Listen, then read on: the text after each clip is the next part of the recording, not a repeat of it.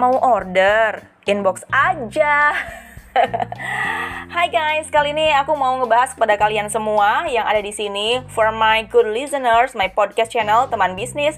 Kali ini aku mau ngebahas mengenai fenomena jualan. Kakak mau inbox aja. Nah, sering nggak sih teman-teman ketemu para penjual yang melakukan hal seperti itu? Yang di mana ketika teman-teman mau beli produknya mereka jawab inbox ya kak. Inbox ya sis. Atau jangan-jangan teman-teman sebagai pelaku usaha sering memperlakukan itu kepada calon pelanggan. Nah kira-kira maksudnya apa sih? Nah teman-teman kalau dilihat dari sisi kita nih sebagai pebisnis atau sebagai yang ngejual gitu ya produk produknya ih sampai susah ngomongnya.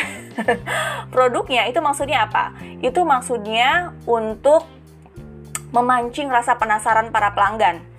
Ya jadi sengaja tuh para penjual itu nutupin apa namanya uh, informasi produk harga produknya agar mereka itu uh, penasaran aja sama produknya. Akhirnya mereka inbox kemudian mereka nanya dan akhirnya ketemu deh sama yang namanya database. Kalau kita dibuka harganya pada saat itu, nah mereka udah tahu harganya udahlah. Misalnya ini nggak ini nggak cocok nih sama budget aku, kantong aku nggak cocok. Misalnya ini harga bajunya harganya misalnya 500 ribu gitu ya.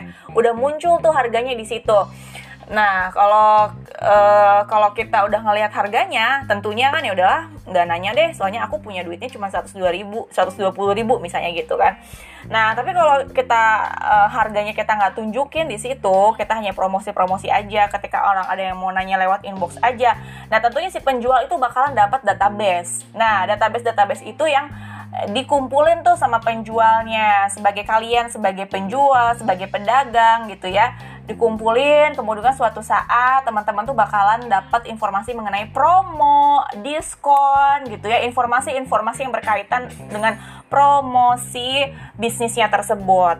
Nah kemudian yang kedua kira-kira strategi itu efektif nggak sih? Nah tergantung nih. Ada calon pelanggan yang mereka tuh nggak suka digituin uh, ada mereka yang memang sukanya udahlah terbuka aja itu harganya berapa? Nggak usah inbox inbox ketika disuruh inbox dia males gitu.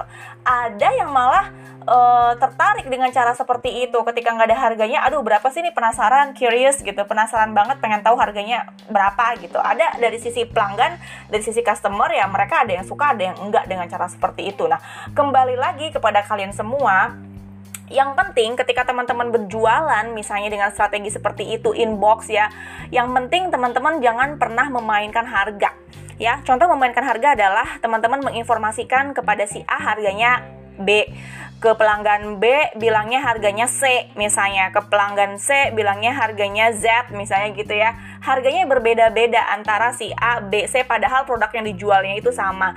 Nah itu sama hanya teman-teman mempermainkan harga pasar mempermainkan para customer. Jadi kalau misalnya teman-teman ingin menggunakan strategi inbox ya kak harganya gitu ya ingin ingin menggunakan strategi tersebut ya tetap teman-teman harus menggunakan harga pasarnya teman-teman harga realnya teman-teman ke mereka gitu ya. Jangan sampai teman-teman um, yang menggunakan strategi tersebut tetapi harganya beraneka ragam. Dari pelanggan A, B, C sampai Z harganya beraneka ragam.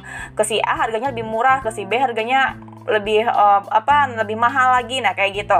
Jadi teman-teman dari sekarang strategi apa pun itu sah-sah aja. Yang paling penting jangan sampai menzolimi orang lain jangan sampai ada istilah horor atau ketidakjelasan. Jadi teman-teman sekalian ketika kita mau berbisnis atau mau berjualan ada baiknya teman-teman transparan memang ya dari sisi harga dan agar tidak ada tadlis alias penipuan. Jadi oke okay, see you di next podcast